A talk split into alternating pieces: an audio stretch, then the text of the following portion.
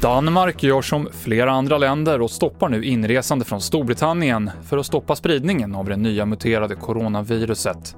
Det här gäller från klockan 10 idag och 48 timmar framåt och under tiden ska den danska regeringen ta ställning till vad som behöver göras. Sverige väntas idag ta beslut om inreseförbud för resenärer från Storbritannien. I USA så är båda partierna överens om ett virusstödpaket värt 900 miljarder dollar. Det innehåller bland annat pengar för att distribuera coronavaccin, stöd till småföretag och checkar på motsvarande 5 000 kronor till de flesta amerikaner.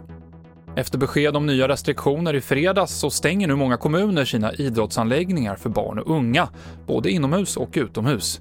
Tidigare så har barn födda 2005 eller senare varit undantagna för rekommendationerna som rör idrott.